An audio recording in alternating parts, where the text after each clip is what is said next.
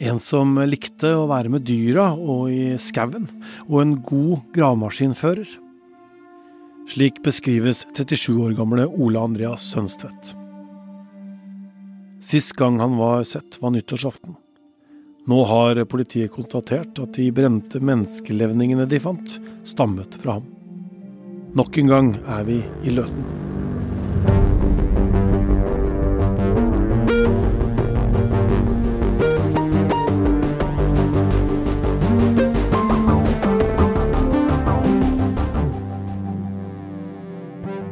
På nyttårsaften er Ole Andreas Sønstvedt observert.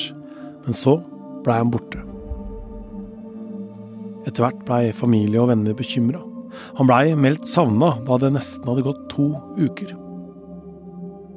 Da politiet kom til gården i Løten der Ole Andreas hadde tilhold, begynte de å leite. Alle hus og områdene på gården blei saumfart. Vi har sjøl sett politifolk i hvite overtekstdresser på vei inn og ut av husa der og de har vist interesse for en lavvo som står noen hundre meter på utsiden av tunet. I leitinga har politiet funnet menneskelevninger. De vil ikke si hva, bare at de var så utbrente at det tok lengre tid enn forventa å finne ut hvem de tilhørte.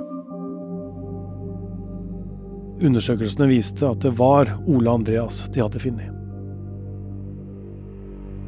Gårdeieren og kvinnen han hadde bodd sammen med, ble først sikta for frihetsberøvelse. Men så endra politiet det til drap. Kvinnen i 40-åra nekter å ha drept ham, og har uttrykt at hun er overraska over funnene til politiet. 37 år gamle Ole Andreas var fra Skien. Han får gode ord for sitt arbeid med anleggsmaskiner og i skogen. Han var glad i dyr og dreiv mye med hest i løpet av livet. Ole Andreas har en mor og flere søsken, og de har fått bistandsadvokat Heidi Yssen. Hallo, ja, det er Heidi Yssen her. Det er Tor Erling i VG. Hei, hei. Du har jo hatt mye kontakt med familien til Ole Andreas her. Hva er det de tenker og, og vil uttrykke i forbindelse med at han er funnet død? De syns jo dette er veldig vanskelig, de er ikke vant til å stå i en sånn situasjon. Og de lurer jo på hva som skjer fremover, og særlig da eh, om saken vil bli oppklart. Det er klart at det tenker de på hele tiden. Eh, og så er det jo den sorgen da, som de har på en måte hatt nå over lengre tid, eh, og sjokk og sinne. Men nå er de mest opptatt av hvordan, hvordan det skal bli etterforsket videre da, for å få klarhet i saken, og hvem som har gjort det. Og hva som har skjedd. De er jo også veldig opptatt av hva er det egentlig som har skjedd. Hvis ingen snakker, får vi noen gang vite hva som har skjedd med han. Eh, og da sier jeg det at jeg regner jo med at krimteknikere og sånn nå undersøker i forhold til et antatt hendelsesforløp. Da. Så vi vil nok få vite noe, uansett om noen snakker eller ikke, men med sikkerhet kan man jo ikke eh, si det. Og det, det, det, det gnager veldig på dem. Hvordan beskriver de ham? De beskriver han som et familiemedlem, selvfølgelig. Eh, og dette var jo en familie som ikke hadde sånn veldig mye kontakt med han. Han hadde veldig mye kontakt med moren, eh, og hun beskriver han jo som veldig snill. For han hadde ukentlig, om ikke daglig, kontakt med moren. Eh, men de andre hadde han mer sporadisk kontakt med. Men alle sammen eh, beskriver han jo som veldig snill, omtenksom, morsom. Eh, men hadde selvfølgelig sitt, han også, som alle andre. Men de beskriver han jo som et familiemedlem, sånn som de kjente han da. Uansett hva det var, så kom han og hjalp til, sa en søster i et intervju med Hamar Arbeiderblad. Men hva er det som har skjedd med ham? Politiet har bekrefta at det de har funnet er brent. En som bor i nærheten, kjører daglig forbi gården. Ja, Det er til og fra barnehage, så når jeg henter og, kjører og henter i barnehage, så kjører jeg forbi. Og hvis jeg skal på butikken og sånne ting, så bruker vi jo mest mulig Løten, senter, butikka i Løten, og da kjører vi forbi. Så jeg kjører forbi ja, min, som regel minimum én gang om dagen. Han hadde ikke lagt merke til noe spesielt, men da han fikk vite at det hadde skjedd noe på gården, så begynte han å prøve å huske. Jeg har prøvd å huske litt tilbake, og jeg, det, det, er vanskelig å huske om de tingene man har observert, om det er før nyttår eller etter nyttår. Det, jeg har lagt merke til noe bålbrenning. Det har jeg gjort. Jeg tror det var på denne sida av nyttår, men eh, ja, det er ikke så veldig unormalt at det brennes noe bål på en gård, så det er ikke sånn man tenker nevneverdig mye over. Ja, men det er vel sånn som du mm, kommer på da, når du fikk høre om denne saken, at eh, det har jo jeg sett et eller annet der. Ja, det, det var, jeg tenkte ganske fort på, i hvert fall når det, det, begynte å rasle i media om at det var kanskje noe brent og sånne ting. Så prater vi jo om det. ja. Hvor på gården var det bålet som du så, husker du det? Det er ned mot den, den uh, trelavoen som er uh, ja, nederst på garden mot skogbrynet der. Mm. Nettopp. Tilsynelatende kunne man ikke se at det var noe spesielt som skjedde på gården. I hvert fall ikke hvis man kjørte bil på veien. Men eh, politiet har jobba på. Etter at kvinnen i 40-åra ble pågrepet, har politiet analysert funnene. Og nå er de klare for å spørre kvinnen om det de har funnet. Krimkommentator Øystein Milli dro innom politiet på Hamar på veien opp til hytta i vinterferien. Der møtte han eh, politiinspektør Liv Hilde Nytrøen. Hva kan du si om, eh, om hvor den saken står nå? Saken er nå i en fase hvor vi har foretatt mange avhør. Det er foretatt omfattende kriminaltekniske undersøkelser. Det er innhentet mange digitale spor, og vi jobber med å systematisere og bearbeide dette. Vi har fått mange analysesvar, eh, men det gjenstår fortsatt en del eh, prøver og analyser som vi ikke har fått svar på ennå. Kan du si noe mer om hva dere har fått uh, vite de siste uken? Hvilke kunnskap dere sitter på nå som dere ikke satt på sist Vikrimpodden var her? Det jeg kan si er at vi har fått en bedre oversikt over hva som har skjedd eh, på gården i Løten i perioden nyttårsaften frem til 24.1. De kriminaltekniske undersøkelsene har gitt oss en del svar. De digitale sporene har gitt oss svar. Og avhør har også gitt oss svar. Men det gjenstår fortsatt eh, en del spørsmål som vi ikke har svaret på ennå, men som vi håper at den videre etterforskningen vil kunne gi oss svar på. Hvor lenge ser dere for dere å måtte holde på med denne saken? Vi er fortsatt eh, i vil jeg si, en tidlig fase, sånn at det syns jeg er vanskelig å si noe om. Nå jobber vi med å systematisere, bearbeide, lage tidslinjer. Men mens vi gjør dette, så dukker det opp nye etterforskningsskritt. Vi må foreta nye analyser av noe av det som er beslaglagt. Vi må foreta nye vitneavhør. Og det er for tidlig å si når vi vil være ferdig. Vet dere nå uh, hvordan uh, Sønstvedt er, er, drept? Politiet har ulike hypoteser som vi jobber med å verifisere og avkrefte. Av hensyn til etterforskningen og at det er mye klausulerte, altså hemmeligholdte dokumenter i saken, så kan jeg ikke gå inn på hvilke hypoteser dette er. Men kan du si noe om eh, noen av de hypotesene dere har er sterkere enn andre? Om det er én som skiller seg ut, eller, eller hvordan det bildet er? Det er nok noen hypoteser som står sterkere enn andre, og bakgrunnen for det er de kriminaltekniske undersøkelsene og digitale spor, sammenholdt med de vitneforklaringene som er i saken. Har dere kommet nærmere noe drapstidspunkt? Det jeg kan si om det, er at eh, det tidsvinduet vi har, har nok snevret seg eh, betydelig inn. Det siste sikre livstegnet fra avdøde anser vi som nyttårsaften. Vi satt, gikk tidligere ut og sa at det var to mulige livstegn i januar. Disse to mulige livstegnene det er ikke styrket seg. Sånn at eh, tiden rundt nyttårsaften og de nærmeste dagene etter det er det sentrale. Har uh, funnet noe uh, som dere mener er et drapsvåpen? Det er gjort beslag i saken.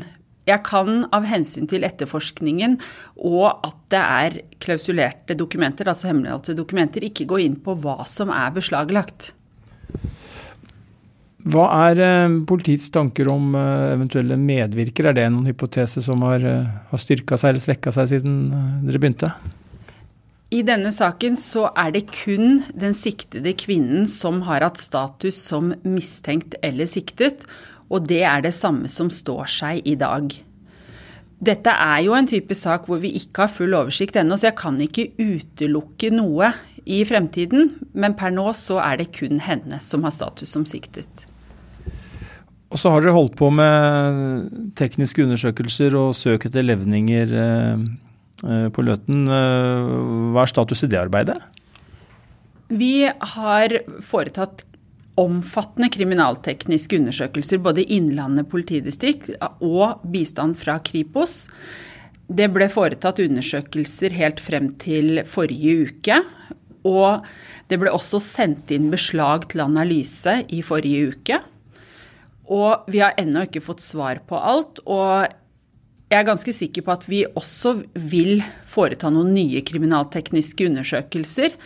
Men vi har fått en del svar som har gitt oss noe mer klarhet i hva som har skjedd. Så dette har vært nyttig, og dette jobber vi med å bearbeide og systematisere, lage oversiktskart og tidslinjer. Og så er det den taktiske etterforskningen, da, avhør av vitner eh, bl.a. Eh, hva er eh, status der? Vi har også foretatt omfattende taktisk etterforskning. Så langt i saken så er det avhørt ca. 100 vitner. Så det er et omfattende arbeid. Vi jobber også med å systematisere disse avhørene. Noen avhør gir oss gode opplysninger som er nyttige, mens andre er noe sprikende. Og så er det denne kvinnen da, som du snakker om, som er, er sikta og sitter i varetekt. Ehm, hva er status med tanke på avhør eh, av henne? Den siktede kvinnen er avhørt én gang som vitne, og så er det foretatt to lengre avhør av henne som siktet. Og så er planen å foreta et nytt avhør av henne denne uken. Og da vil hun bli forelagt en del av de nye analysefunnene våre og den informasjonen som vi har innhentet siden siste avhør. Kan det kalles et slags konfronterende avhør på et vis, da? Ja, det vil bli ganske mye konfrontasjoner i det avhøret. Samtidig så er det kanskje noe som hun vil forklare seg om for første gang. Ja, er det ting hun da vil få spørsmål om for første gang? De siste tingene hun vil forklare seg om? Eh, jeg kan ikke gå nærmere inn på planen for dette avhøret, men eh, det er noe politiet har jobbet med nå i lengre tid. Eh, og så er det jo varetektsfengsling. Hva er status på det? Varetektstiden går ut på fredag, og det vil bli tatt stilling til etter avhøret av den siktede kvinnen om hun skal fremstilles på nytt. De viktigste etterforskningsskrittene de neste ukene. Hva vil du fremheve da? Det essensielle nå er å jobbe med å bearbeide og systematisere all den informasjonen vi har mottatt. Som jeg sa, så er det foretatt over 100 vitneavhør. Det er foretatt omfattende kriminaltekniske undersøkelser. Vi har mange digitale spor som vi har fått svar på, og som vi venter å få svar på. Og det er å sy dette her sammen for å gi oss en oversikt over hva som har skjedd med avdøde, og hva som har skjedd på gården i perioden fra nyttårsaften og frem til kvinnen ble pågrepet. Forsvareren til eh, den sikta kvinnen, Jens Henrik Lien, sier at ingenting har forandra seg når det gjelder hans klient. Hun nekter straffskyld, nekter for å ha noe med drap å gjøre. Nei, det er ikke noen stor endring i eh, hvordan hun har det. Det er vanskelig å sitte siktet for eh, en så alvorlig handling som hun sier at hun ikke har gjort. Så det er klart det er vanskelig. Eh, kan du si litt om hvordan hun reagerte da beskjeden om at Ole Andreas var funnet eh, død på gården hennes, da hun fikk den beskjeden? Ja, Hvis du tenker på at det ble identifisert, så er jo det noe vi var forberedt på. Som hun også var forberedt på etter at hun hadde fått beskjed om at det var funnet levninger på, på gården. Og politiet hadde endret den siktelsen i forkant, så var hun jo forberedt på det. Eh, men da hun opprinnelig ble eh, orientert om at det ble funnet eh, levninger på gården, så, så kom jo det som en veldig stor overraskelse for henne. Ja, Øystein, du dro innom Løten også på veien opp til hytta der du er nå. Hvordan var det der denne gangen? Det var mye stillere nå enn da vi var der sammen. Det var ingen tegn til politifolk. Ikke noe polititeip eller sperringer oppe ved riksveien, sånn som den gang vi var der. Det så helt vanlig ut. Om du kjører forbi nå, så vil du ikke forstå at dette er åsted for det politiet mener er et, et drap. Men jeg snakka med en nabo, og han sa at denne lavvoen fortsatt er avsperra med, med, polititeip og politisperrebånd, men at det ikke er noen politifolk som sitter 24-7 og holder vakt der nå. Men som Nytrøen sier, så er det aktuelt å gjøre nye undersøkelser. Eh, politiet har samla inn og gjort en omfattende jobb. Vi så jo alle de krimteknikerne som var i sving da vi var der. Og de har jo tatt med seg mange beslag, eh, samla sammen mye som det kan eh, være bevisverdi i. Og så er det jo sånn at de har vel da sperra denne lavvoen, som man antar er et sentralt åsted. Og utelukker da ikke at man må gjøre noen tilleggsundersøkelser når man er ferdig med å gå gjennom alt det man har fått med seg under den eh, finkjemminga, som vi må kunne kalle det, eh, som politiet gjorde da eh, ja, like etter at denne saken sprakk. Og så er det jo mye som vi ikke veit. Vi må jo anta at det ligger noe mer i disse klausulerte og hemmeligholdte opplysningene. Og, og den siktede her vil jo bli konfrontert i nye avhør, sier jo politiet. Hva er det som skal til for at det, det kommer et gjennombrudd her? Altså få vite hva som egentlig har skjedd? Det er jo litt sånn tolkning fra min side, men eh, sånn som jeg leste Nytrøen, så eh, er politiet ganske optimistiske med å, finne svar på mye her, selv om eh, de ikke får en tilståelse. For det er klart, det er jo hvis noen tilstår i denne saken og forteller en historie som politiet kan undersøke, sjekke og finne ut at det er sannferdig, så vil man jo få et gjennombrudd, og kanskje vil man få det man kan kalle en fullstendig oppklaring. Men Eh, om det er status quo, da, at eh, det er én sikte her, og det er denne kvinnen, og hun ikke ønsker å ja, Hun holder fast ved, som hun har sagt, da, at hun ikke kjenner noe til det som har skjedd, så tror jeg likevel at politiet kommer til å få en del svar. Det, det, jeg fikk ikke inntrykk av at politiet står overfor en, en, en, sånn type sak hvor man strever med å finne ut av hva som har skjedd, og så vet jeg jo ikke hvorfor de er optimister. Om det handler om uh, funn de har gjort, eh, analysesvar. Men eh, det var vel en sammenstilling av det, elektroniske spor og vitner som, eh, som gjør at politiet er optimister. Og så sier jo da politiet og forsvareren til kvinnen også at hun er villig til å, å la seg avhøre på nytt. Hva leser du inn i det?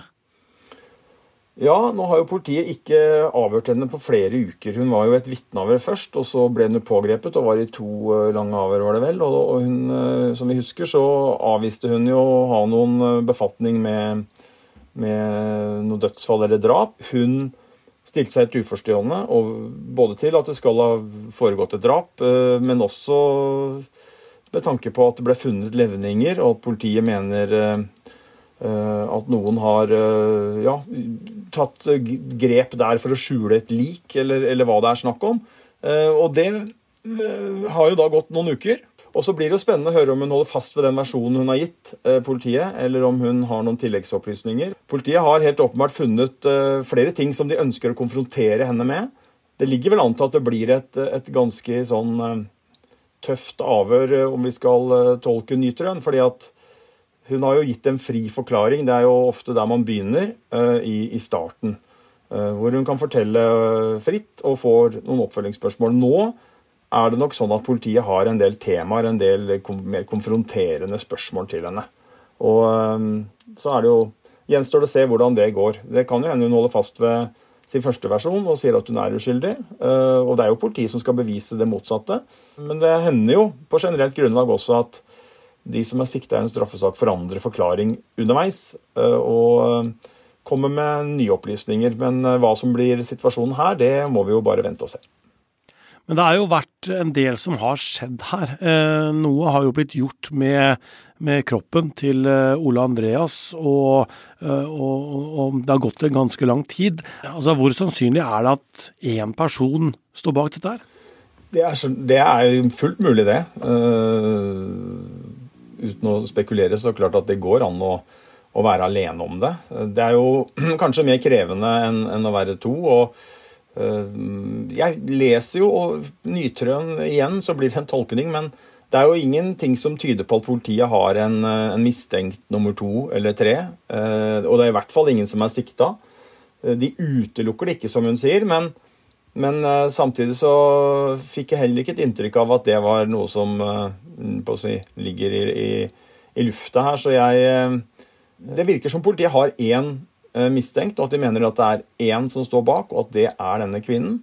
og så blir jeg ikke overraska om det kommer ganske mye informasjon frem nå som er interessant. Og det er ikke sikkert det når offentligheten nå, men jeg skulle gjerne vært flue på veggen eh, på det avhøret som skal, eh, som skal være denne uka her. Fordi at jeg tror, tror, det kommer mye informasjon der som kaster lys over denne saken. Du har da avhør som trolig er denne uka. altså etter at vi har publisert denne episoden. Og så har du dette her med refengsling. altså Politiet kommer vel til å begjære nye uker i varetektsfengsling. Eh, hvorfor det? Det er fordi at eh, ja, Nå må vi høre hva politiet bruker som eh, begrunnelse, men jeg vil tro at bevisforspillelsesfare fortsatt er gjeldende her. Eh, ja, hun skal et avhør i løpet av uka, og ja, uansett hva som skjer der, da, så vil jeg tro at politiet fortsatt mener at det er grunn til å holde henne adskilt fra samfunnet, og at hun kan påvirke bevis hvis hun blir løslatt eller får lov å sitte med uten restriksjoner. Eh, så det blir nok i første omgang eh, situasjonen. Og så vil jo etter hvert, eh, og det har vi vært borti flere saker, da, når bevisforspillelsen etter hvert ebber ut, for det skjer jo. Det er jo ikke bevisforspillelsesfare helt frem til en hovedforhandling eventuelt. Men da er jo spørsmålet om du kan bli sittende på andre grunnlag, og det gjør du jo ofte i drap. F.eks. at det er særlig sterke bevis mot deg. At det foreligger en tilståelse, som jo innebærer at du kommer til å måtte sone en lang straff uansett, og da blir du sittende i fengsel. Og så er det også noe med at du ikke skal støte den allmenne rettsoppfatning, som det heter, som også kan bli trukket inn som et moment. Da. Og det handler om at ja, vi, vi, andre i samfunnet vi syns det vil være upassende om uh, folk som uh, har tilstått drap, eller som sitter på veldig sterke, politiet sitter på sterke bevis, og det er helt åpenbart at de har store sjanser for å kunne få en fellende dom, så, så vil det jo være vil det, si, vekke oppstandelse, og folk vil eh, reagere negativt eh, og få kanskje en slags mistillit til rettssystemet hvis man ser at folk som er i en sånn situasjon, vandrer fritt på gata. Eh, så det er, det er nok det som kan bli aktuelt etter hvert, men da, da er vi langt fram i, i løypa her. Nå skal politiet først gjennomføre etterforskninga. Jeg spurte jo Nytrøen, og det tror jeg gjorde etter at eh, jeg skrudde av opptakeren, Tor Erling, hvor lenge de kommer til å holde på. De er fortsatt i det hun kaller en tidlig fase. Eh, men de har gjort mye jobb, men fortsatt eh, ikke ferdig. Og ja, tidsperspektivet La oss si at den etterforskningen på Hamar kommer nok til å pågå i hvert fall frem til sommeren, tror jeg. Før man, og kanskje også litt utover høsten. Men, men det er klart, når man når man får eh, jobba i noen måneder til, så tror jeg denne saken begynner å, eh, man begynner å få en god oversikt. VG-reporter Anja Ariel Tørnes Brekke intervjua forsvareren i denne episoden. Krimpodden består av Hanna Espevik, Guro Mjeltevik Halvorsen, produsent Vilde Våren, Øystein Milli og meg, Tor Erling Tømt Ruud. Mandag er det premiere på ny miniserie fra oss på Podmy. Den heter Ronjas siste fest, og den må du få med deg. Anbefaler også serien Elskede Bobby, som handler om det rareste catfish-opplegget jeg noen gang har hørt. Om ei dame, altså, som blir grundig lurt. Sjekk ut Podme. De første to ukene er til og med gratis.